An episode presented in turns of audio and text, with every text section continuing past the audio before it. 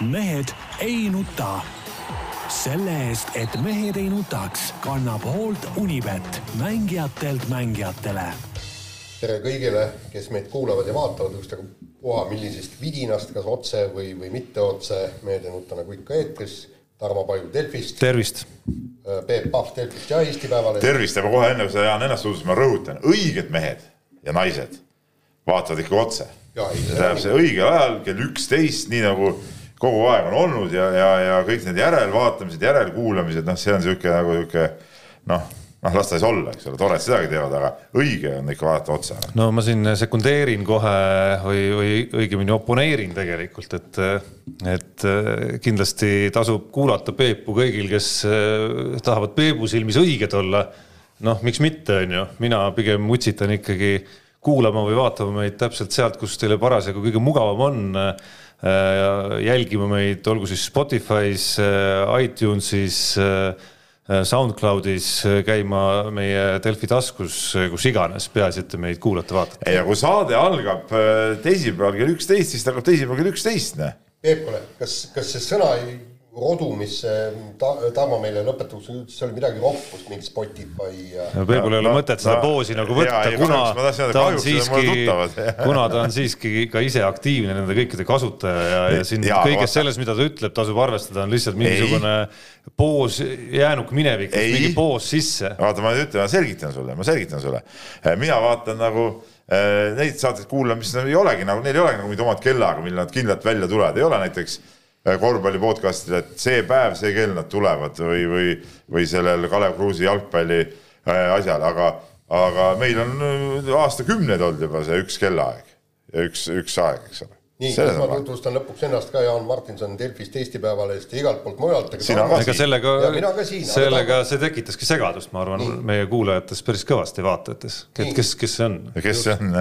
jah, ja Tarmole siit küsimusega, tavaliselt siis sa teed ka niimoodi, näiteks kui nüüd Eesti hakkab kolmapäeval jalgpallimatši mängima mm valiksarjas, siis otse sa loomulikult ei vaata, sa vaatad umbes seitse päeva hiljem yeah.. võrrelda kuskilt... nüüd, võrrelda meie saadet spordiülekandega no,, muidugi no, päris hea võrdlus iseenesest. sama teeb välja., sest meie oleme otse vot see on, see on päris nagu, aga see, see, mis pärast tuleb, see, see ei ole nagu päris. võib-olla sõbralt juba kuuled, ahaa, näed. tulemuse saad teada nagu, mis saate no,. kuule, nad rääkisid sellest, noh, mingi null üllatust, eks ole. et nii, nii ongi lihtsalt, onju. no kõikidel meie vaatajatel-kuulajatel, kes, kes tõesti on kogenud seda probleemi siis loomulikult ma arvan, et nad on ammu saanud aru, et tuleb otse jälgida, aga, aga kes seda niimoodi tajunud ei ole, siis äh, siis äh, oleme õnnelikud kõikide kuulajate üle, ükskõik mis platvormil, ükskõik mis ajal, kasvõi aasta hiljem. ma tean, kusjuures äh, mul üks kaugsõidu autojuhist äh, sõber, kes avastas meie saate nagu mingi, mingil hetkel nagu hiljem, kui see mõned aastad oli eetris juba olnud, siis ta nende sõitude ajal põhimõtteliselt ühel hetkel kuulas siis nagu kõik aastad järele lihtsalt kusjuures sama võib ka öelda see, et, et kuna mina kuulan nüüd seda müstilist Venemaad, kui ma teen oma nii-öelda jalutuskäiku ja, ja nüüd ma olen jõudnud, ma hakkasin äh, algusest pihta aastast vist üheksakümmend kuus umbes ja nüüd ma olen jõudnud aastasse kaks tuhat kaksteist oma kuulamist. mina kuulan müstilist Venemaad niimoodi, mind huvitavad spetsiifilised äh, ajastud seal pigem ütleme niisugune see äh, tuhat üheksasada seitseteist revolutsiooni ümbrusaeg äh,, siis kahekümnendad, kolmekümnendad äh,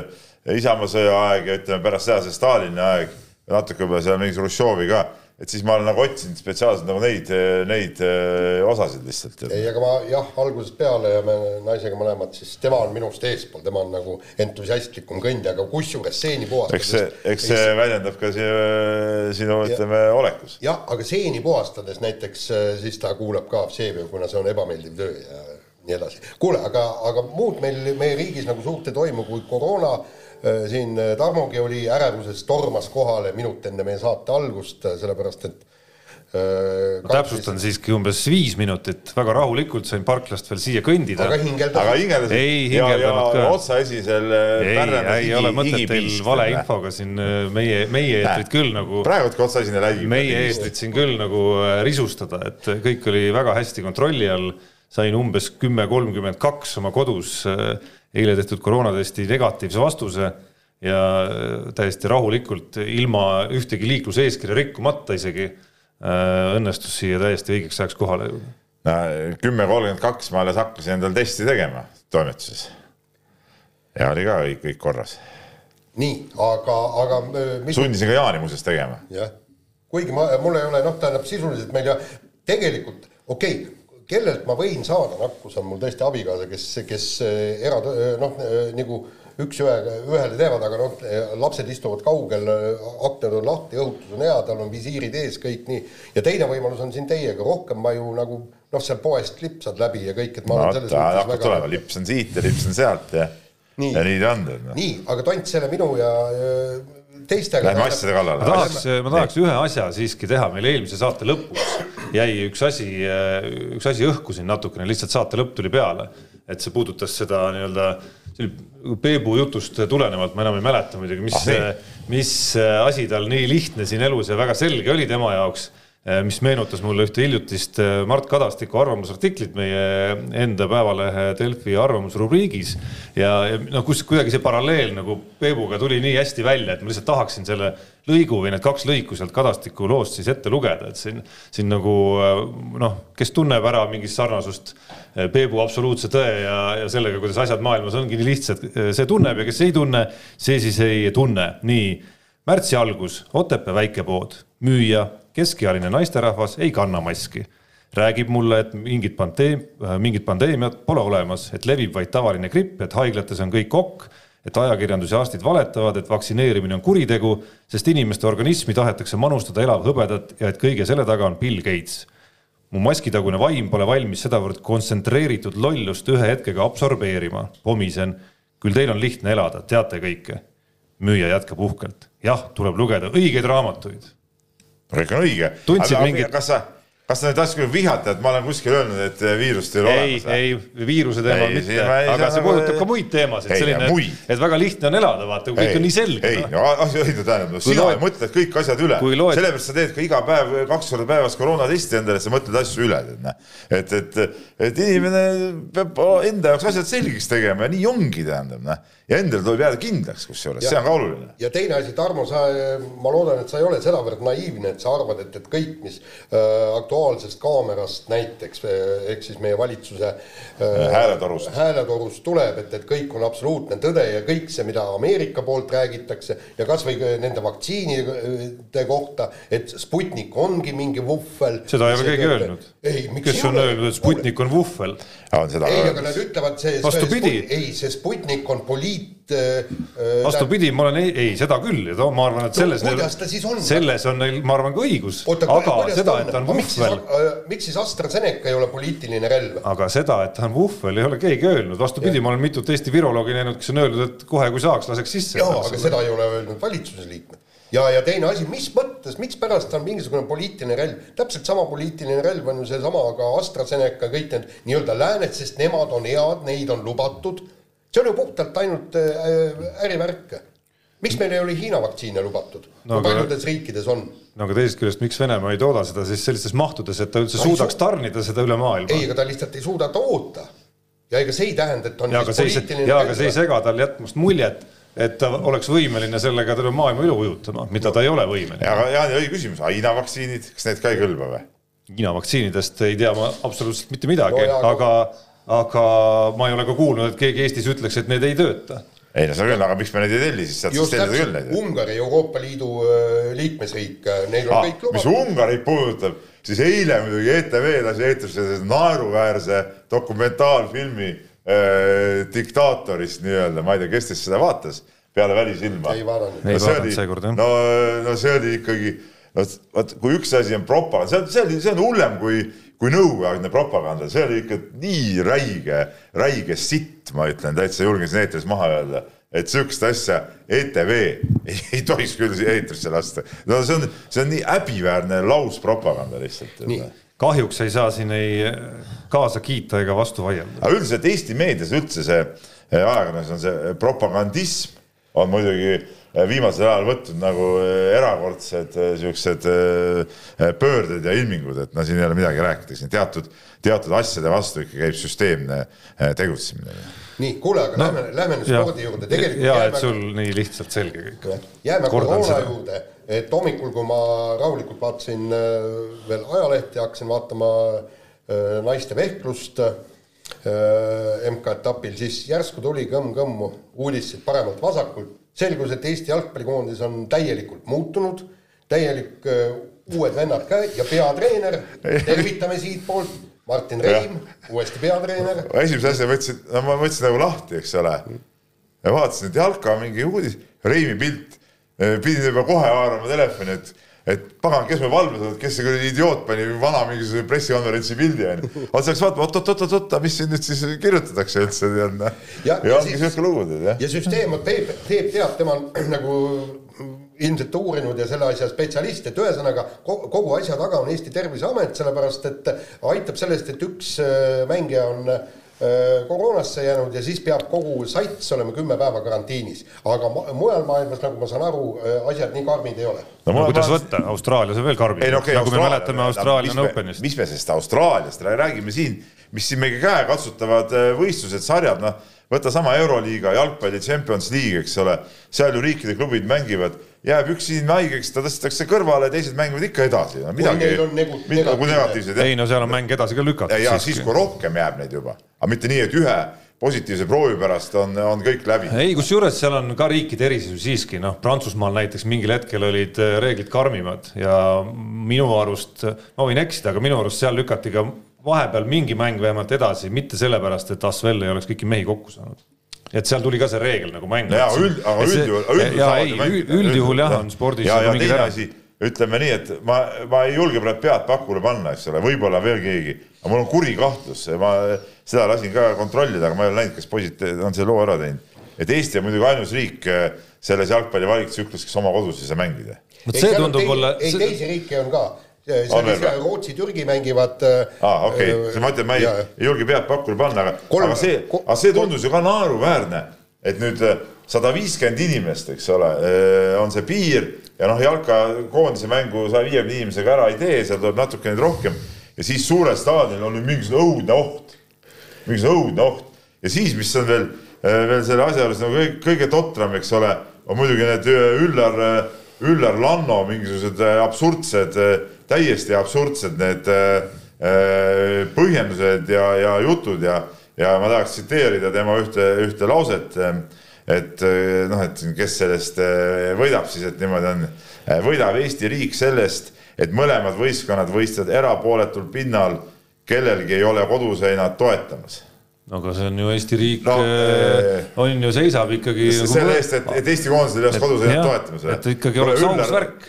Me ei taha ju võitu, ma tahan öelda, et, ma tahan öelda, et, et jaburamat mõttekäiku, kui Üllar Lanno seal välja käis eh, Terviseameti pressikonverentsil, ei ole ma kuulnud juba aastaid. no sa ei taha ju sohiga võita, no see on ju täielik. koduseinte toel. no, no sina toetad seda Lannot ei toeta, on küll siuke mulje sa. saad ju väga hästi aru, et see on iroonia ei, täielik. ma saan aru küll jah, et noh, no see on ju, see on ju nutrus Ja- kuubis, mis ja asja. ja, ja, ja kusjuures jalgpalliliit tegi ju selgeks, et need sada viiskümmend inimest äh, pluss vist oli ju seal viiskümmend inimest, hajutatakse ära. nii, nad ei puutu omavahel kokku. ei puutu omavahel kokku, sellepärast et näiteks sinna gruppi kuuluvad, eks äh, umbes kiirabiauto juht ja kiirabibrigaad, kes istuvad autos ja nad on hoopis seal staadioni väravas, kus on, siis on järgmised turvamehed on ju kõik äh, üle staadioni laiali, nad ei ole ju toppis koos ja, ja, ja ikkagi seda teha ei saanud, et, et see on, see on minu jaoks natukene kummaline, absurdne. Aga teine asi on see, et mul on see küsimus, et no kuidas pagan meie see jalgpall ei saa sellest viirusest lahti, et kus, kas no aga kuidas, kuidas sa, kuidas see, kuidas see nii segane on selles mõttes, et, et kui riik on ikkagi nagu maailma nakatumise tipus, siis on ju selge, et sa võid selle viiruse ükskõik kust saada, mängijatel on pereliikmed, mängijatel on lapsed. pane mulli, pane siis see kogu see seltskond mulli, täpselt nii nagu NBA oli, kui me, meil on ja praegu seda tuleks teha suhteliselt vara muidugi. no just, pluss osa muidugi tulevad veel välisklubidest on ju Just. ja nii edasi, nii edasi. ei, aga välisklubidest on ka, tuleb, testib ja, ja kui on negatiivne, siis siseneb ka sinna mulli. et ja, ja ka klubid võiksid praegu mullis olla, ma, ma ei saa aru, et, et mikspärast seda, seda ei tehta. jalgpalliklubid ei üldse kõik klubid või? No nii, nii päris seda on muidugi keeruline teha. no keeruline teha ja kallis ka veel teha. kallis ka jah, see, sellest ma saan aru, no aga jaa, aga, aga, aga praegu on tagajärg on see, et, et, et mänge ei toimu, eks ko- kogu aeg on mingisugused pagana jamad, koondis ei saa korralikult mäng- mängida, võtku siis kasvõi see koondise öö, seltskond oleks võinud siis nädal aega enne mulli võtta et. see ei ole ju ainult jalgpalli probleem. ja pühapäeval ju äh, alles ju klubid mängisid, noh. Ma mõtlen korvpallis, jalgpallis, võrkpallis, käsipäev, igal pool on tegelikult Ei, igal needsamad pool on, äh, asjad praegu. ja, ja, ja. et ime on minu võrkpallis oli ju siin koduses play-off'is oli päris pikk paus, eks ole, sees. et no mõnes mõttes on vastupidi ime, et need asjad veel toimuvad. Osaliselt vähemalt. ja aga, aga ma veel kord ütlen, eks, et meil on jalgpall, meil on kolm, kolm koondismängu ees, eks.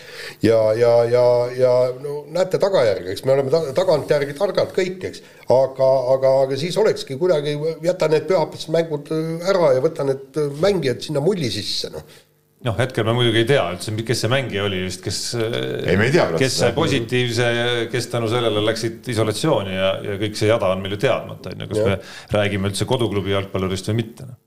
Noh. Õnneks on veel see, et, et äh, need, kes on läbi põdenud juba, et, et Terviseamet neid ei hakanud nüüd piirama, eks ole, et need lastakse ikkagi nagu vabalt tegutseda, nii on ka siin teistes pallimänguklubides, et äh, ma tean, siis Tallinna Kalevi korvpalli äh, meeskond treenib praegu viie mehega, noh, et ülejäänud on isolatsioonis, aga viis meest, kes on nagu läbi põdenud, saavad siis trennis käia näiteks, pluss treenerid, kes on ka läbi põdenud, et selles suhtes on, on, on vähemalt seegi on hea aga, aga nüüd ma, nüüd ma ei tea, mis siis juhtub see, et, et kui, kui me, kui selgub Poolas, kui mõni test tehakse ja, ja seegi on positiivne, mis me siis teeme? ja siis jääb ära, noh. väga lihtne ei ole ka esmakordne. noh, õnneks me räägime praegu mängust Tšehhiga, õnneks. Sa oled Tšehhi nõrk või? no kindlasti, kindlasti on Tšehhi Tšehhi suhteliselt tugev, ütleme niimoodi. Nedved ei mängi enam või? Nedved ei mängi Jaa, enam okei. siis nagu see muudab sinu arust no see pilti. muudab pilti, sest ässasid ei ole, noh. nii, aga vahetame teemat. rääkisime siin natuke, no ei teagi, kas see oli see sport nüüd või ei olnud, millest me rääkisime, aga, aga järgmine teema kahjuks ka on spordist üsna kaugel, nagu siin viimastel nädalatel on olnud kahjuks tavaks, ehk siis oleme sunnitud jätkama äh, teemat, mis sai alguse Nõmme Kaljust, treenerist nimega Getulio, tema suhetest äh, alaealiste tüdrukutega. nagu karta oli, üks viib teiseni, ehk siis nädala jooksul on lisaks sellesama loo Nõmme Kalju ümber toimuva ja, ja kogu selle klubi tuleviku küsimuste ja Jalgpalliliidu ja Nõmme Kalju vaheliste vägikaikavedude tuules te- tekkinud aina rohkem äh, avalikkuse ette jõudnud juhtumeid äh, ja sarnaseid juhtumeid, kus siis äh, treenerid on oma positsiooni või õpetajad isegi on oma, oma positsiooni kuritarvitades siis tegelenud ikkagi väga noh, ma ei karda öelda perverssete asjadega tegelikult, et äh, nii kriminaalsete kui perverssetega, nii, nii karm kui seda ka öelda on, et siin on nüüd juhtumeid jõudnud küll äh, ühest teisest jalgpalliklubist, Peebu tänane lugu rääkis äh, korvpallist ja ühest Tallinna gümnaasiumist, siin on ühest jalgrattatreenerist äh, ilmunud äh, esialgu anonüümne lugu küll, mis puudutab seda treenerit ennast, aga, aga mitte selle ahistamise ohvrit ja nii edasi ja nii edasi. no hiljuti oli tegelikult üldse enne seda Getulut oli see üks ratsatreener oli ju kuskilt Tartu kandist vist. et, et noh, neid lugusid nagu tundub, tundub, et igal spordialal on midagi nagu välja käia. ja mis mulle aina rohkem tundub neid lugusid vaadates, alati käib sellega kaasas ikkagi ka mingisugune nagu mingil hetkel mingis faasis nagu silma kinni pigistamine, et me räägime enamasti asjadest, mis on nagu juhtunud aastaid tagasi, enamasti käib kaasas ikka mingisugune ring inimesi, kes nagu noh, kas midagi teadsid või midagi kahtlustasid.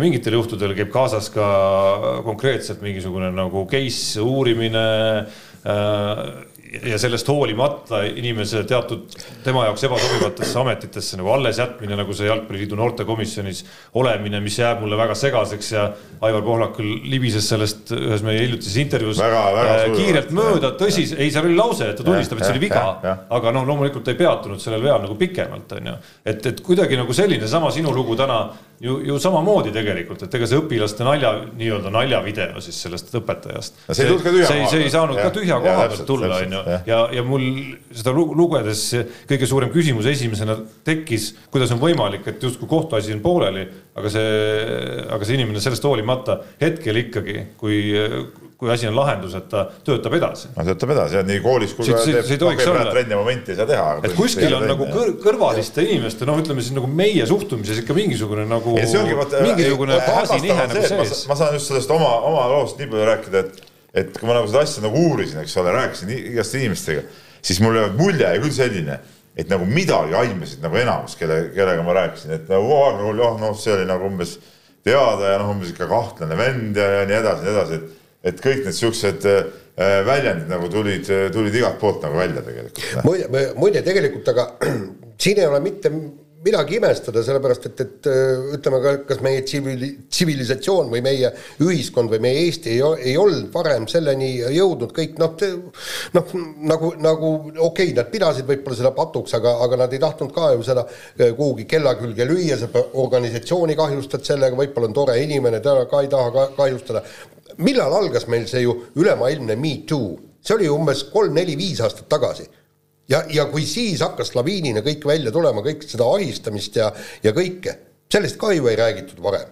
ja kusjuures ka Ameerikas praegu tuleb neid asju välja, kuigi seal on ääretult ja seal on juba aastakümneid väga räigelt ja rängalt piiratud kõike seda, eks, et kõik see ahistamine juht, juhtumid, eks, seal on ikkagi tõesti, no vaadake, otsige sealt. Äh, ei no ka, ka Inglise jalgpallist tuli mingi uuring välja just eelmine nädal, mis, mis ütles täpselt sama tegelikult. nii, võtke, võtke sealt välja internetist, te leiate, kus on juba trükitud blanketid, tähendab isegi üli, üliõpilased, enne kui ta tahab äh, tüdrukuga suhtesse asuda, siis täidab blanketile ära nimi see ja kinnitan, et ma olen noormehega suhtes vabatahtlikult ja kõik nii, paneb kuupäeva, allkirja ja vot siis asume asja kallale, sellepärast et eh, noh, seal on kohtusüsteem no,. ei, muidugi on totter, aga ka selle, eh, vaatamata sellele tulevad ikkagi, tilguvad sealt välja üksikud, eh, üksikud juhtumid. aga noh, sellest nagu suhtumisest või silma kinnipigistamisest, mul jäi eelmisest saatest üks asi natukene nagu hinge peale tegelikult, et me hakkasime rääkima siin, ma isegi äh, rääkisin siin justkui nagu Nõmme Kalju kommunikatsioonist või mingisugune nagu noh, rääkisime nagu kommunikatsioon ja kommunikatsioon ja valed sõnumid ja nii edasi, onju. ja, ja siis Kuno Tehva mingil päeval siin mõni päev pärast meie eelmist saadet andis ka ühe intervjuu, kus ta siis kasutas sedasama äh, nii-öelda nagu äh, nurka, et äh, et me ei ole, et Nõmme Kalju ei ole mingi PR-agentuur, on ju, et jah, me siin algul tegime mingeid vigu, aga tegelikult, kui nüüd mõelda, see on ju kõige totakam äh, põhjendus või vabandus, mis üldse saab olla. et kõi, nagu esimene selgus, mis sellest Getulio ja Nõmme Kalju loos saabus, selle andis Getulio ise, öeldes intervjuus, et jah, tal oli suhe neljateistkümne aastase tüdrukuga, äh, mis kestis veel aastaid ta peab seda selles mõttes normaalseks, et see oli üks suur armastus ja nii edasi. ja Nõmme Kalju inimesed hakkasid seda nagu seisukohta siis nagu kordama, et see oli nagu vastastikune suhe. Mhm. ehk siis nii Getuulia kui ka Nõmme Kalju esindajad ütlesid, mida nad mõtlevad tegelikult, ehk siis nende arust see oli normaalne ja see, siin ei ole küsimus PR ja kommunikatsioonifirmas, kes lihtsalt oleks aidanud neil siis nagu varjata oma tegelikke mõtteid ja öelda siis õigeid sõnu lihtsalt välja. järgi see oligi nagu normaalne, eks ole, kahjuks. aga me kõik oleme nõus, see ei ole ei, normaalne. muidugi aga..., ma ütlesingi kahjuks. et, et, et sisuliselt ütles Kuno Tehva seda, et me mõt, ütlesime, mida me mõtlesime, kahjuks meil ei olnud PR-agentuuri, kes oleks aidanud meil oma tegelikke mõtteid varjata. aga, aga kuskohast, vaata see on kümmekond aastat tagasi, mäletate, kui, kui tuli, tuli artikkel, kirjutati, kuidas üks tennisetreener elab koos alaealise tüdrukuga, okei okay,, ta ei olnud neliteist, ta oli kas viisteist, kuusteist ja kõik. ütles jah, nii, elame koos, kõik ja see ja, ja lugu sumbuski, tähendab, mitte kellelgi ei tekkinud küsimust, et see oleks nüüd mingisugune patt või häbiväärne asi või, või midagi, et, et kuna noh, seaduse järgi oli kõik õige ja, ja, ja meil on ju siin ka noh, neid koos elavaid treenereid, kelle suhe algas ikkagi ilm, ilmselgelt, enne kui siis see öö, naisterahvas on saanud kaheksateist ja, ja, ja, ja see on, see on täitsa normaalne kõike. aga näiteks, kui Getulia ja see Piiga oleks praegu koos elanud, kas oleks jama olnud või? see on hea, see on väga hea küsimus Tatjani poolt praegu. kas, ma tuleks siiamaani paarina koos, kas see, kas siis, kas siis oleks ka põhjust hukka mõista toonast seda asja või? No ma arvan, et äh, skandaal ei oleks kindlasti selline, nagu ta tuli, aga ma arvan, et see hetk vääriks hukkamõistu ka tagantjärele. no aga siis otsime need, otsime need vanad lood üles. otsime need ja hakkame teatud paaride puhul kuupäevi vaatama ja, ja siis kisume jälle äh, asjad nii, nii-öelda valguse kätte või? hakkame materdama või? noh, teisest küljest on äh, nüüd noh, mis sa sellega nagu öelda tahad? ei, ma ei taha nagu Eh, hakkamegi silma jälle kinni pigistama, eks ole, mingist otsast nagu tagasi. hea küsimus. ei, küsimus on väga hea. ja sellel ei olegi head vastust, nagu te ka minu kimbatusest aru saite. just, aga, aga Tarmo, ma tahtsin sellega sulle näidata, et kümme aastat tagasi oli meil see suhtumine oli natukene teistsugune kogu meie Eesti ühiskonnas et see ei olnud patt, kui on treener viieteist, kuueteist aastase tüdrukuga elab koos. lihtsalt selles Getulio loos noh, ei paistnud juba teisel päeval neid asjaolusid, kui äh, Gunnar Leheste küsimusele, kas on olnud teil ainus Ja. äh, alaja, suhe alaealisega, ei suutnud Getulia vastata, et noh No no, just. selles mõttes nagu teiseks päevaks, kui Nõmme Kalju ikka veel rääkis nagu vastastikusest armastusest ja sellest, kuidas äh, naiskondades ongi intriige palju, siis selleks hetkeks tegelikult oli Getulia ise ära mis- öelnud, mis mis, mis, vastab lugu tegelikult oli Ja. või ei olnud. jah, ja, ja, ja, ja siin ongi, tähendab tõesti, kui kaks inimest on rõõmsalt koos ja mõlemad ütlevad, et ei, meil on kõik väga hea olla, on üks asi, aga teine asi, kui tõesti treener hakkab saatma mingeid peenisepilte ja, ja see on muidugi väga see on, või siis teine, teine võimalus on ju see, et, et kui kui ta tõesti aastate kaupa võtab ühe, siis seal oli, kas sinu loos oli veel, et et, et keegi mängija ütles, et mida üheksateistaastase või üheksanda klassi õpilasena olen tema jaoks juba liiga vana ja ta vaatab kuuenda klassi tüdrukuid, no, no see on perver- no see, no see on, see on jama, et ja, ja. Noh, teine asi, mis ja teine, teine asi see, mis, mis, mis need kaks lugu on natuke erinevad, see jalgpalli ja korvpalli lugu.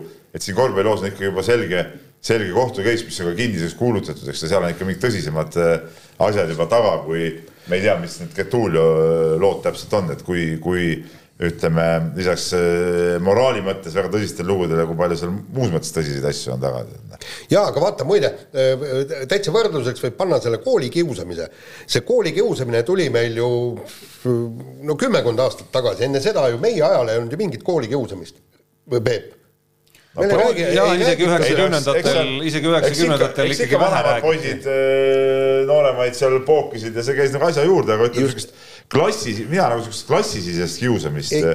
No noh, ma ei ole ka suures linnakoolis kunagi käinud, ma ei tea, mismoodi siin oli mm -hmm.. linnakuulade elu oli teistsugune, aga meil Ei ole siukest klassisisest kiusamist küll siukest. Aga ei no ei, Jaan peab võib-olla et- silmas seda, et sellest nagu ei räägitud Ei kui räägitud probleemist sellest ja ei kui tege- probleemist, praegu on ju terved suured programmid, kuidas õpilastele ja noortele räägitakse, eks ole, kiusamisest ja, No ja tegeletakse sama- selle ennetamisega sama ka. asi on ju see Vene sõjaväe nii-öelda Dedovšina, eks ole, kus, kus ütleme, meil olid ju nii, et ikkagi noh, noored eh, tegid seda, ütleme, mida vanad käskisid ja said ise vanemaks, siis käskisid nooremaid ja ja, ja, ja käisid seal öösel kartuleid koorimas ja nõusid pesemas ja, ja mida iganes, mida ütleme no, tänapäeval noh, ma siin poisi käest ka olen küsinud, et noh, et, et kas see noh, noh, sihukest asja polegi enam, kartulid ei kooritagi enam, aga ütleme sihukest ka sihukest eh, noored-vanad sihukest pressurit nagu enam ei tehta ja seda nagu tänapäeva maailmas ei peetagi nagu enam normaalseks. ja sellepärast ongi, et, et see ühi- ühiskond ja muutub. kuigi mõnes mõttes see, see sihuke noorte-vanade see värk, see ei ole üldse halb tegelikult, tead noh. No küllap ta mingil kujul ikka No eksisteerib, lihtsalt võib-olla mitte päris muru värvimise ja ma ei, ja muru värvimine on noored-vanad, see oli jälle nagu sihuke teine asi, see oli nagu ülemuste süsteemi poolne asi, tead noh. aga, aga selles mõttes ja, et, et tä- tähendab, et ühesõnaga seal sa saad, eks sul on pool aega läbi, vot siis sa oled vana ja näiteks põrandaid enam ei pese. Põrandad pesevad noored. jah, ja kartulid ei koori enam. just täpselt. aasta saab läbi, võid Ma ei- ma ei räägi- lahti lasta, noh. just, ma ei, ma ei räägi sellest nii-öelda öö, just, et see mingist vägivallast või midagi, aga, aga lihtsalt on teat-, teatud asjad, teatud asjad, mida noored teevad, vanad ei tee. ja noh, lihtsalt tulles veel selle su meid kimbatusse ajanud näite juurde tagasi, siis noh, esimene asi, kui, kui midagigi kuskil sellisel liinil nagu hakkab tekkima, siis esiteks peab, tuleks see õpetaja ja õpilase suhe ära katkestada nagu esimese asjana. see Just. ei ole nagu igal juhul nagu okei okay. See peaks nagu, see peaks olema nagu kohe nagu äh, katki. ja noh, kui sa tood näite, et okei okay,, äkki elavad tänaseni koos, no aga äkki see ongi nagu nii-öelda kuritarvituse tulemus, eks ole, et me ei saa seda võtta nagu selle näitena, et oh, kõik on jube hästi, on ju. ja ei, aga kui nad ütlevad, et on hästi, no mis ka veel ei, ei tähenda, et ongi hästi. see on muidugi hüpoteetiline näide Jaa, Jaani, mida mõtet, absoluutselt. nagu, millest ole mõtet kinni jääda muidugi, see oli siis muidugi hästi püstitatud küsimus et noh, sa tead Sto Stockholmi sündroomi ka tead, eks ole No no, seal ka tead. ühel hetkel ohver hakkab ütlema, hakkab kiinduma oma nii-öelda nagu kuritarvitajasse, on ju, kurjategijasse. nii, aga lähme vist äh, järgmise teema juurde, võtame siit ähm, Henri Sildaru äh,, kellesse ma tean, mõned äh, inimesed, ka meie spordijuhid väga ei ole uskunud, aga juunioride maailmameistrivõistlused toimusid ja, ja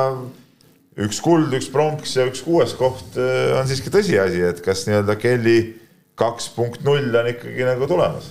no minu meelest oli ju see ammugi selge, et, et sealt võib midagi, midagi tulla, sellepärast et noh, nii mina kui Madis, kes me oleme seal X-mängudel näinud ja ja kui äh, Kelly seal võistles ja, ja poiss oli liiga väike, muidugi ta võistelda ei saanud, ja siis, kui kirglikult ta seda asja ajas, see oli täitsa, täitsa äh, hull värk oli, oli see, et, et kui Kelly tegi seal tundide kaupa trenni, siis see Henri oli seal kõrval mäes, lihtsalt tegi omaette, kõik sõitis suuskadega, mitte ei näppinud kuskil mobiiltelefoni, vaid oli kõik need tunnid samamoodi mäe peal ja tegi siis oma trikke.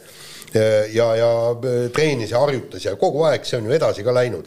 ja, ja, ja treenerist isa on ju näidanud, et ta jagab seda asja, et, et ta on tütre vähemalt maailma täiesti tippu viinud, et miks ta ei peaks poega viima, kusjuures noh. okei, ma saan aru, et, et poiste ja meeste konkurentsi tihedus on hoopis ja on hoopis midagi muud kui, kui seal naiste oma. jaa, aga seda ta on ka ise kogu aeg ja. öelnud, aga ta on ka kogu aeg rõhutanud, et teatud asjades, eks noh, seal loomingulisuses ja võib-olla koordinatsioonis ja kõik on Henry parem kui, Henry võrreldes tippmeestega on parem kui, kui, kui Kelly, eks et ja. Kelly, Kellil on no, ma rääkisin eile ka meie nii-öelda Sildaride asjatundja Madis Kalvetiga ja tema tõi just välja selle, et mis nagu Henri puhul on nagu praegult just eriti huvitav ka tema nende tulemuste puhul, et, et ta kogu aeg nagu areneb, et ta kogu aeg võtab nagu juurde mingeid uusi asju, nii nagu ta seal äh, nüüd võistluseski tegi, tegi juba mingeid uusi hüppeid, uusi elemente, et see ei ole, et see ei ole nii, et sa sõidad kogu aeg ühtedel samal mingil levelil mingeid samu asju teed,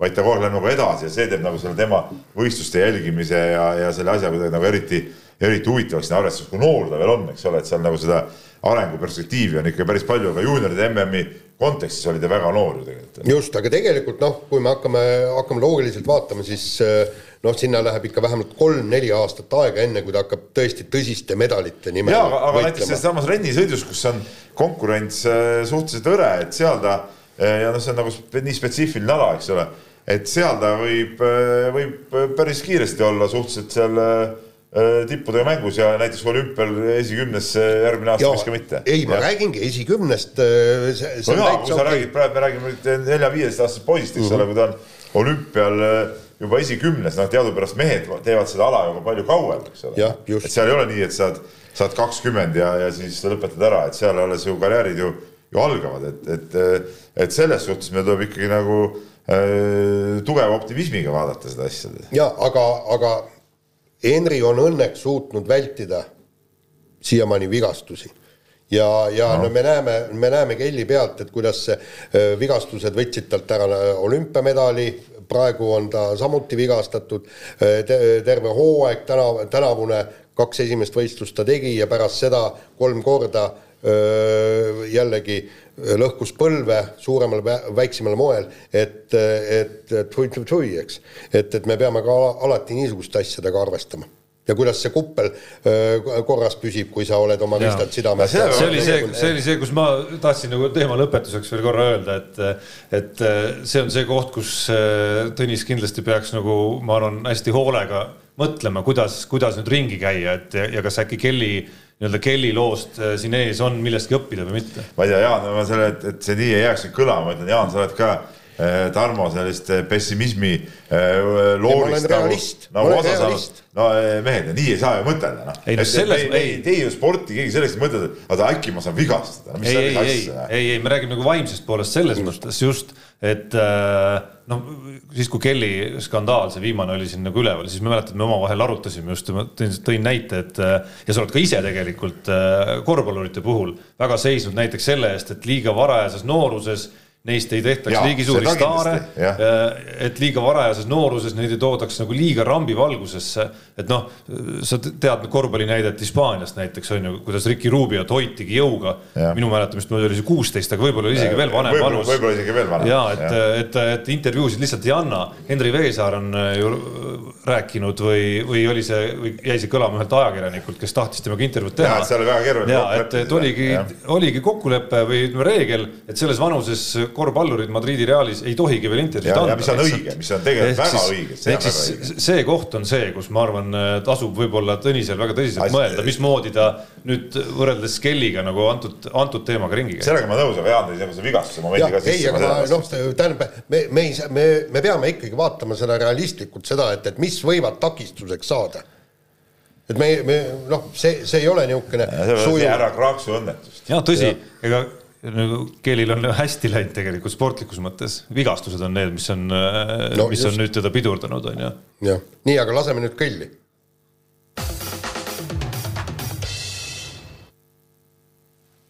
nii, jätkame kiire vahemänguga ja proovime tõesti kiirelt teha, meil on häid kirju ja, ja neile tahaks vastata ka ja.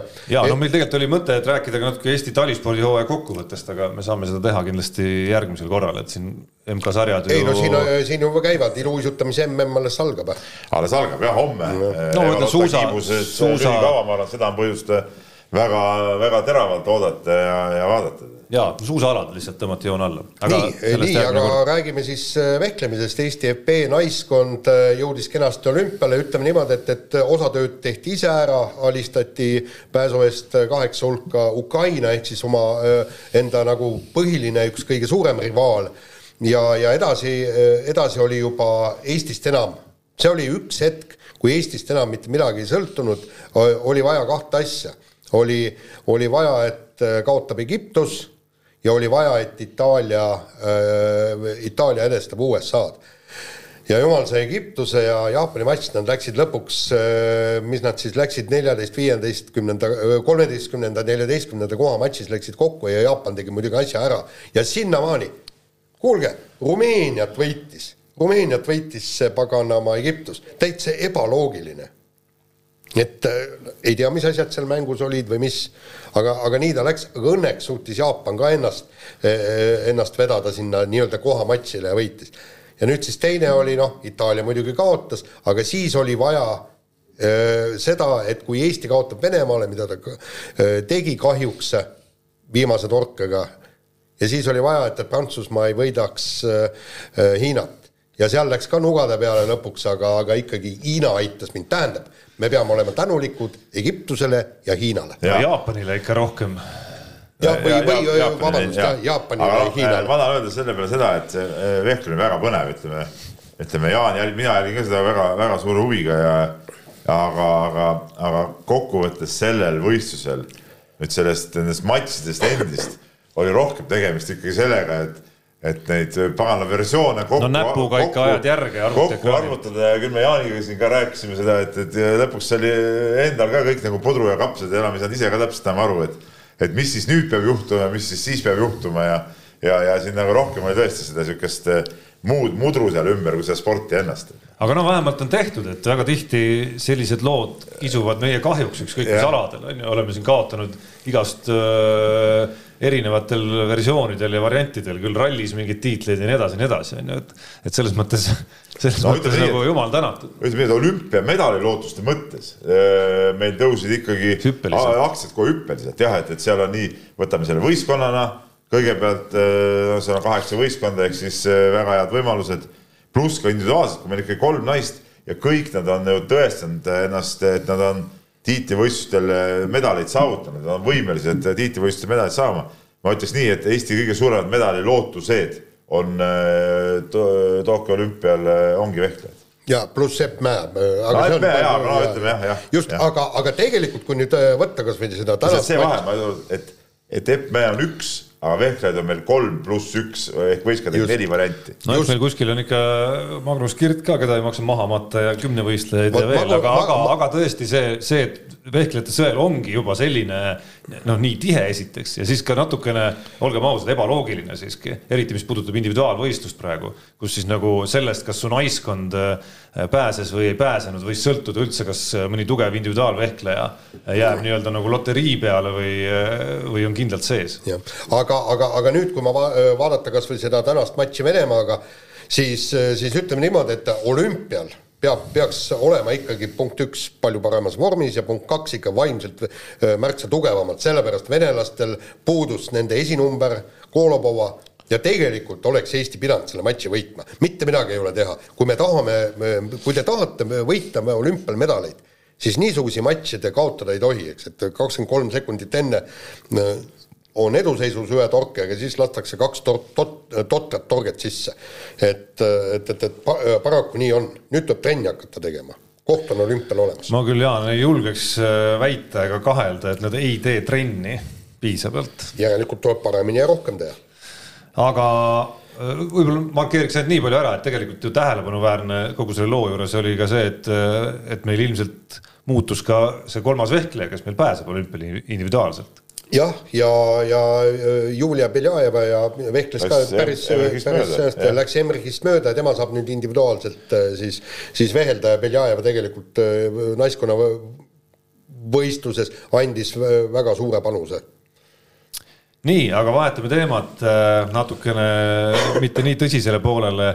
Mercedese vormeliprogrammi liige Paul Aron, vanust seitseteist, tal tunnistas, äh, et kukkus hiljuti autosõidu eksamil läbi.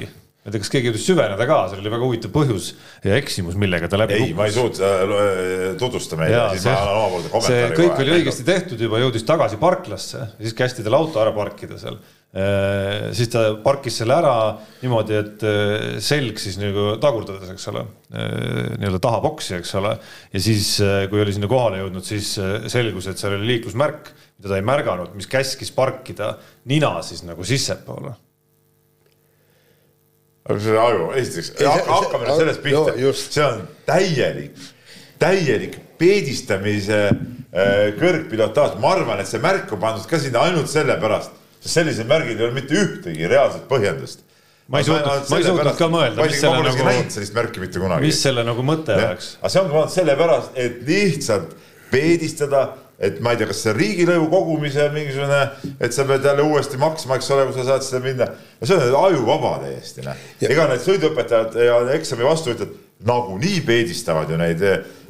Mul on ju need korvpallipoisid kõik käinud seal, ma ei tea, minu arust keegi pole esimese katsega läbi saanud, kõik sõidavad jumala normaalselt, aga alati on mingi tramburaid, mingisuguse täiesti mõttetute asjadega ja no see on ju, see on ju giga mõttetus. no eriti parklas. no muidugi noh nii ja, ja teine asi on see, et, et kui, kui sina teed vea, näiteks tõesti noh, ütleme, on niisugune märk, eks, või siis siin on noh, mingisugune märk, nagu meil on siin äh, vaata see äh, meil selle, mis ta on, mitte jõe, vaid see, mis Aedvilla tänav äh, seal tagaotsas, seal ei olnud ka, tähendab, seal oli mingisugusel hetkel, et sa pead küljega selle Jah, auto parkima ja kõik nii, eks.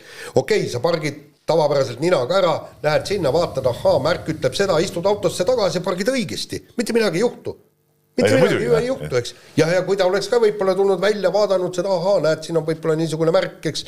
ja, ja kui sa oleks ka viis minutit hiljem seda teinud, ega maailm sellest ju kokku ei vaju. ja, ja, ja me noh, ütleme niimoodi, et, et äh, noh, mul endal poiss tegi selle eksami ära, aga, aga see tema, kui ta tegi, ma ei mäleta, mis see võis olla mingi kaksteist aastat tagasi või rohkem, kakskümmend aastat tagasi, ma ei tea. no ei, nii, nii eakas ei su poeg ei ta oli. ka- kaksteist aastat tagasi kuskil. siis, siis ei olnud see veel nii suur kottimine, aga nüüd ma olen kuulnud, täitsa et hullu see oli ikka täitsa hullumaja jah. nii on. aga, aga noh, see meie ajal oli, see oli ikka täielik nali, mina sõitsin ümber politseipargi seal praegusest Hiltoni hotelli eest, sõitsin Sa- Sa... pööre, pööre vasakule, sealt pööre vasakule, sealt pööre vasakule, pargisin aga- ära. sa said isegi pöörata, sa said isegi pöörata, aga mina sõitsin Silliga kuskil Lasnamäe, ma praegu ei suuda tuvastada, kus see koht on. Istusin sisse, tee peale sõitsin, noh, keegi sõitis sinna mind, eks ole, siis minu kord sõitsin ühtegi pööret. mitte midagi ei olnud, sõitsin võib-olla mingisugune no pool kilomeetrit kuni kilomeeter, võtsin tee äärde ja oligi eksam sooritatud. mitte midagi ei olnud sinna. ja no kirjelduse järgi pidid ka sina palju tegema, sest ma tean üheksakümnendatestki näiteid, kes, kellel kellel piisas lihtsalt eh, nii-öelda jutu ajamisest seal auto kõrval natukene eksami ei, vastuvõtjaga ja, eksami. ja sellest ka piisas, minu, minul nii lihtsalt ei läinud, pidin ikka need asjad ära tegema nii platsil kui linnas. aga nii, ma lähen edasi ja, ja leedulased on jälle välja tulnud ühe ideega, mille nad ise omal ajal nii-öelda nagu äh, ära äh, käkkisid äh, ja tuled, tuli välja siukse mõttega, et võiks taastada korvpalli Balti liiga, kus siis osaleksid Leedust need võistkonnad, kes eurosarjades ei mängi, et seal mingi viis tagumist klubi pluss siis kolm Läti ja kaks Eesti klubi ja, ja sihuke asi käima panna. No iseenesest ega selles midagi nagu, mina ütlen, midagi halba sellest ei ole, et, et oleks väga-väga hea, kui ütleme, mitte eurosarjas mängivad võistkonnad äh, äh, saaksid ikkagi ka seda väljundit, et võib-olla kaks satsi on nagu vähe lihtsalt, selles on küsimus. ja teine asi on see, et, et kui küsimus on, mis saab siis Eesti-Läti liigast, et kui Eesti-Läti liiga jääb ka kehtima, et ma ei tea, võib-olla siis seal mingid mängud äh, panna topeltarvestusega nende leedukatega võiks igal juhul mängida, aga muidugi neid satse võiks olla rohkem kui kaks, kes Eestis saavad seal kaasa teha, et, et mina Seal- oleks küll kahe käega poolt. just selle nagu idee nagu miinus ongi see, et igalt poolt kumas läbi leedukate nagu selline No, omakasu püüdlikkus, ehk siis nagu jaa. nendel on hulk klubisid, kes ei mängi eurosarja, tahaks neile mingi väljundi anda okei okay,, no anname siis kahele Eesti klubile võimaluse siin ka kuidagi mängida, onju et nagu nopime sealt need parimad palad Eestist ja Lätist välja ja siis nendega siis nagu mängime, onju. et äh, mitte midagi sellist nagu see noh, Eesti ja Läti ühisliiga mõte on see, et ikkagi kõik klubid, kes äh, soovivad põhimõtteliselt saavad osaleda, onju. et mul on tunne, et, et Eestil ja Lätil ei ole nagu sisulist huvi sinna kaasa minna, et mis siis meie need madalamad klubid teevad, kes ei mahu selle kahe hulka. siin on see rahaline küsimus ka muidugi jälle, et, et sõidud läheb pikemaks, need klubid, kes osalevad, peavad nagu leidma rohkem raha, aga iseenesest oma, oma olemuselt noh, noh tegelikult ikkagi see Balti liiga, nagu ta vanasti oli, oli väga hea asi ikkagi. no võib-olla mingid alagrupid teha siis või no mingi selline süsteem. no midagi nagu mõtelda jah. nii, nii, mina taaskord või? jah. Sebastian Loeb, meie kuulus üheksakordne ralli maailmameister, läks äh, lahku kaardilugejast, legendaarsest Daniel Helenast ja mitte lahku, vaid noh, nagu selgus, heitis mehe üle parda, andis teada, et, et koostööd ei ole. Helena ütles, et kuule mees, kui sul äh, munad ikka püksis on, siis äh, tule tagasi, teeme, ajame asja edasi. ja probleem on see, et sõ- sõidetakse Dakari rallit, võitu pole tulnud, eks. Helena ütleb, kuule, teil on niisugune kehv masin, et, et et, et sellega ei saagi nagu võita, et, et küsimus pole minus. noh, seal üks küsimus on et ta ise eksis ka seal, ta tunnistas, et ta ise, eksis ja ka. üks asi on ta eksis, aga teine, millele ta tähelepanu ei pööra ja mida ju seal rallisarjas on ka No tema kaal. ei no okei okay,, Jaan, aga öö, mina ütlen kohe ära, Sebastian Loeb langes minu silmis üsna madalale. Jah, seda küll. sest et kuule, sa oled kogu karjääri selle mehega koos läbi teinud, sa oled võitnud need maailmameistritiitlid, nagu, nagu, nagu sukk ja saabas, eks ole. kogu aeg koos ja nüüd mingis veterani eas, aga öelda niimoodi, et kuule, et okei okay,, ma nüüd äh, vahetan välja, et mul on siin vaja mingi karjääriga edasi minna, no see on mage, see oli, see oli, see oli nii mage ja madal, et ausalt öeldes ma ei, ma Sebastian Loebist, keda ma siiamaani väga kõrgelt hindasin, ma ei arva mitte midagi enam, see oli, see oli näotu temp, ütleme ja, niimoodi. ja kusjuures mina nagu aru ei saanud, mulle tundus nii, et nad on tõesti nagu kokku kasvanud nagu sukk No nad olidki ju, noh. just, ja see oli mõni aasta tagasi oli see, et, et kui see, kui see lööb äh, sõitis, ma ei mäleta, kas ta oli siis äh, juba Hyundai's, eks, ja, ja kui oli see mingisuguse rallile nad minna ei saanud, on ju, ja siis äh, visati nalja, et tegelikult oli põhjus, miks nad sinna ei läinud, jätsid selle ralli, et Helenal on viinamarja kasvatus, kasvandus ja tal on viljade koristamise aeg, et ta ei saa selles tulla, see oli täitsa äh, fine, eks. et, et, et sellepärast ja, ja nüüd, nüüd siis niisugune käkk teha, see on tõesti piinlik. see on piinlik jah. aga kiire vahemängu lõpetuseks anname sõna Vene laskesuusatajale Dmitri Vassiljevile, kes, kui tal paluti küsida, vist oli see oma eelistust, keda ta eelistaks näha laskesuusa maailmakarika võitjana, siis ütles, et tal pole mingit vahet, kes kõik norralased on petised, kes siis äh, nii-öelda haigete sportlastena, astmaatikutena ja, ja kellena veel varastavad siis äh, medaleid teiste eest noh, ütleme no., et see jutud on ju ammu üleval olnud ja kõik, et norralased sellest välja ei tee, tähendab, et meil on, meiegi arstid ütlevad, et, et absoluutselt igale sportlasele saab saab tekitada astmadiagnoosi, et kõik saavad, kõik võiksid tarvitada astmaravimeid ja sealt teki-, tekkis ka küsimus, kui te tulete meile rääkima, et see astmaravim kasu ei too, siis palun laske, laske ja lubage kõikidel neid tarvitada. huvitav, miks teised siis ei tee ennast astmaatikuteks No no,? venelased ütleme- ütle, ütleme niimoodi, et, et ilmselt venelased ei tee põhimõtte pärast ja, ja no ütleme niimoodi, et ega tegelikult on ju neid astmaatikuid ka, ega meie suusatajad, ma ei meil tea, me ei ma mõtlen, mis, mis põhimõtte Jah, jah. pärast, et no vaadates Venemaa, noh, Venemaa dopingu tarvitamise ajalugu, mis põhimõtted neil seal ikka nii väga olla saavad, et on nagu kui see aitab, et kui see aitab, ei, ma mõtlen nagu pragmaatiliselt, et kui nad näevad, et asi on selles, miks norralased on paremad äh, ja nad saaksid ise sama liigutust teha, miks nad ei tee no jaa, aga nad ei lähe avalikult niisugust suli tegema. Nad ei lähe, kui sa siiamaani pole mingi astmaatik olnud ja järsku siis järgmine kord tuled ja sussutad endale spreid jälle kurku, et noh, on. laseme kõlli. Unibetis saab tasuta vaadata aastas enam kui viiekümne tuhande mängu otseülekannet. seda isegi mobiilis ja tahvelarvutis. Unibet, mängijatelt mängijatele nii, Unibet, mul pole midagi öelda, ma ei leidnud, ei ole ühtegi nagu, ühtegi nagu head võistlust, kuhu, kuhu ära jama, tahaks nagu praegu käivad, käivad no. suurepärased võistlused. No.. Äh, mitte küll ennustamise mõttes, aga kui sa ütled nagu head võistlust ei ole, no kah halli play-off. milline suurepärane hoki, ma no, olen. iga ei oota rahu, kõigepealt räägin, ma olen iga päev vaadanud, iga päeval vaatan erinevaid mänge. no tõesti väga kõrgetasemelised ja väga väga vingeid ja, ja tervitan siinkohal Valvot Pukki ka äh, minu silmis väga lahedate kommentaaride, kommentaaride eest ja, ja ma saatsin ka pühapäeval Tarmole sõnumi, et sai ka täis vaatamise feeling'u, sellepärast et näiteks Ufa äh, Salavat Julajevi ja, ja Kaasani Akbarsi äh, mängus näiteks Ufas täismaja täismaja, äh, totaalne täismaja, ei mingeid maske, no mõnel seal oli, kuskil lõua rippus elati kaasa, möll, totaalne, anšlag, nagu venelased ütlevad, eks ole. no kuule, no kahrad tõusevad püsti, tead, eile vaatasin, kuidas Omsk, äh, Omski avangard äh, äh, põrutas seal, eks ole, sellele Magnitogorskile, noh, Kovatšuk andis väravasöödu ja no seal ütleme, ei, need on vägevad asjad, vägevad asjad, aga kahjuks vedas alt mind siis Moskva CSKA, mul oli siin pandud duubelpanus üks mäng läks Kaasani ja Ufa mäng läks täppi. Aga üllatuslikult natuke CSKA kaotas Jaroslavi Lokomotiivile, pärast nad nüüd on läinud, on võitnud, eks ole, aga selle mängu nad kaotasid kahjuks ja läks mul vett vedama, nii et kolmsada kakskümmend on mul praegu.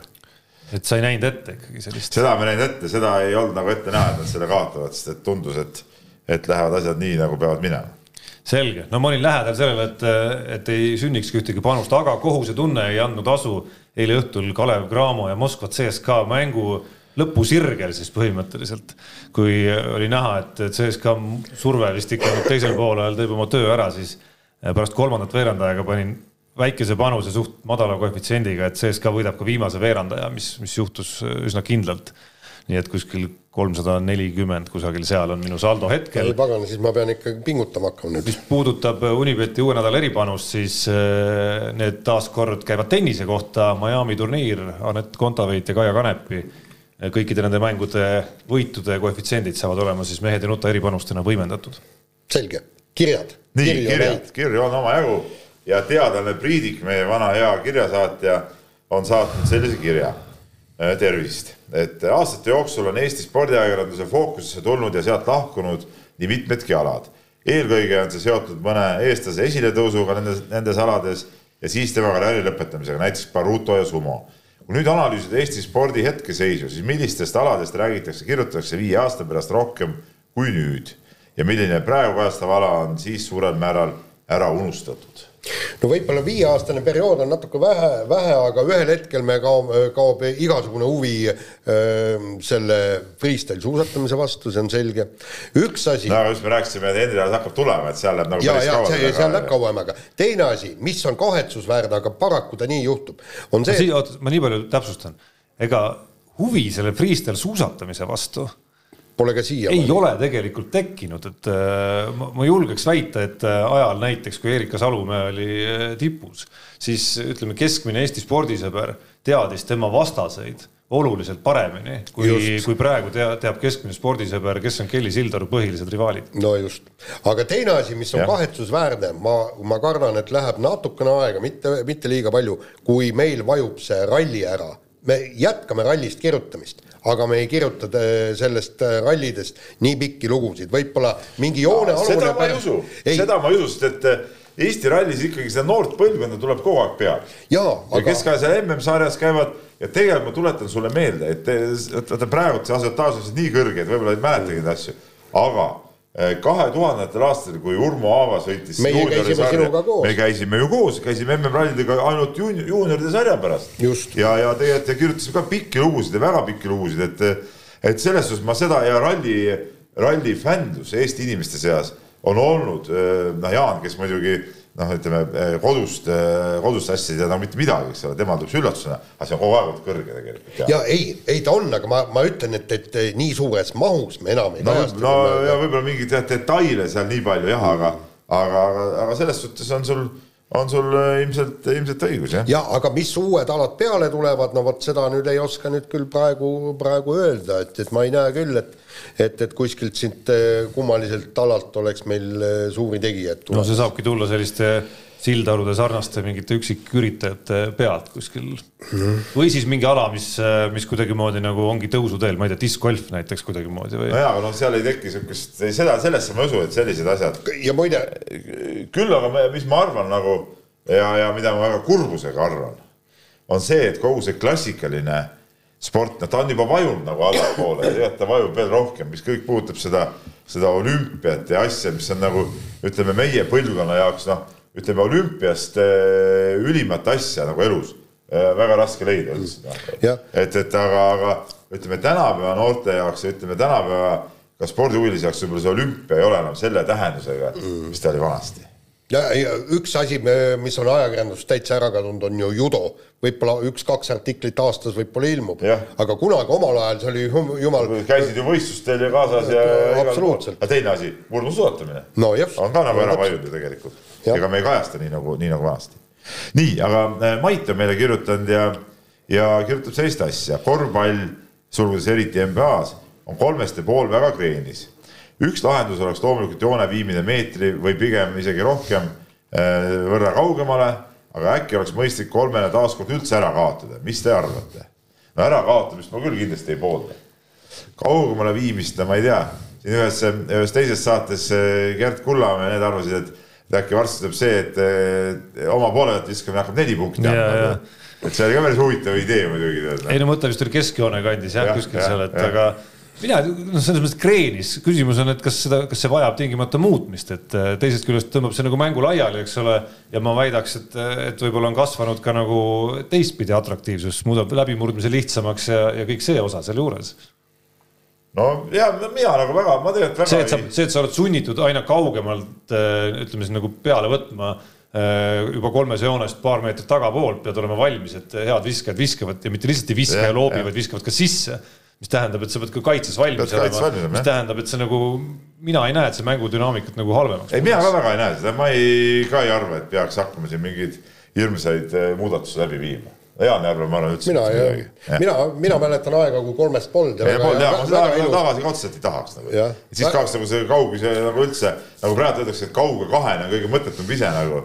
millega ma päris nõus tegelikult ei ole, kui sa katte tagant tuled välja, paned selle kauge kahe sealt ära, kui sul on sihuke hea ütleme, sulle see koht sobib, siis ma selles nagu mõttetuses ka ei, see, seda ma ka ei, ei, ei ole nõus nagu sellega. nii, aga Kalle, meie vana kirjasaatja ka vaatas siis pühapäeval AK spordiuudiseid ja, ja nägi seal lugu Eva-Lotta Kiibusest, kes siis homme, tuletan meelde, alustab MM-võistlust. ja ma ise vaatasin ka seda ja mulle endale meeldis ka see, see uudiselõik väga ja Eva-Lotta Kiibus mulle üldse meeldib, kuidas ta räägib ja Kalle kirjutab siin ka, et ähm, Eestis ei ole hetkel ühtegi teist sellise eheda spordihingega sportlast, kõik tema intervjuud on nii siirad ja otse südamest. et Eva Lotot võib vabalt küsida, mis tunne on ja sa saad sealt kõige ausama ja adekvaatse vastuse, mida sportlane kunagi andnud on, et kui Eestis antakse välja spordihinge auhinda, ei näeks ma küll mitte ühtegi teist kandidaati või on kuskil veel mõni selline noor, küsib Kalle. Noh, tead siit peast läbi lasta kõiki neid sportlasi, ei, meil on ägedaid sportlasi, sportlasi küll, aga Eva-Lotta Kiibus on ikkagi tõesti noh, pärl. nii täiskasvanulikku juttu ma ei ole üheltki nii noorelt sportlaselt kunagi kuulnud. jah, aga, aga ka mina olen temaga intervjuud teinud ja, ja nautisin, nautisin täiega, nautisin täiega nii äh,, jõuan võtta veel ka Leopoldi kirja, ta kirjutab siin nii, et küsimus selline euroliiga läks äh, ära kunagi Fiba alt, kuna suured klubid panid seljad kokku ja tahtsid paremat asja saada. nagu näha, siis neil ka õnnestus ja asi toimib briljantselt. kas sama asja ei saaks teha uuesti Euroliiga või suured maad, et saaks need koondise aknad sobitava, sobitatud vastavalt Euroliiga ja Eurokapi mängudele, lüüa lahti ennast Fibast, nagu seda tegi Euroliiga. Mõte on siis see, et pääseks jälle parimad pojad ikka koondisse mängima oota, ma ei saanud küsimuse mõttest aru, et kas viiks koondise mängud ka nagu Euroliiga Euroliiga alla? no ma ei tea, mis see Euro Euroliiga huvi peaks olema neid võtta ühest küljest ja teisest küljest FIBA huvi neid anda. nojah, no FIBA kindlasti ise annaks, aga need maad ise läheksid nagu äh, FIBA alt ära, teeksid oma uue organisatsiooni ja see oleks nagu, see oleks nagu mäss. et ma sellesse nagu ei usu, et pigem, pigem muidugi see, et äh, et see noh, lihtsalt hooaegase akende tegemine, noh, minu arust üldse ei ole nagu, ei ole nagu okei okay., et, et, et see, kus oli, mängiti eh, suve, suveperioodil, okei okay,, see võttis seda puhkuseaega vähemaks, aga need mängud olid ikka huvitavad, sest koondised ikka päris koondised nii, ja sellega on meie saade lõppenud, kuulake, vaadake meid äh, edaspidigi ja ükstapuha, mis vidinast. mehed ei nuta. Saate tõi sinuni Unibet, mängijatelt mängijatele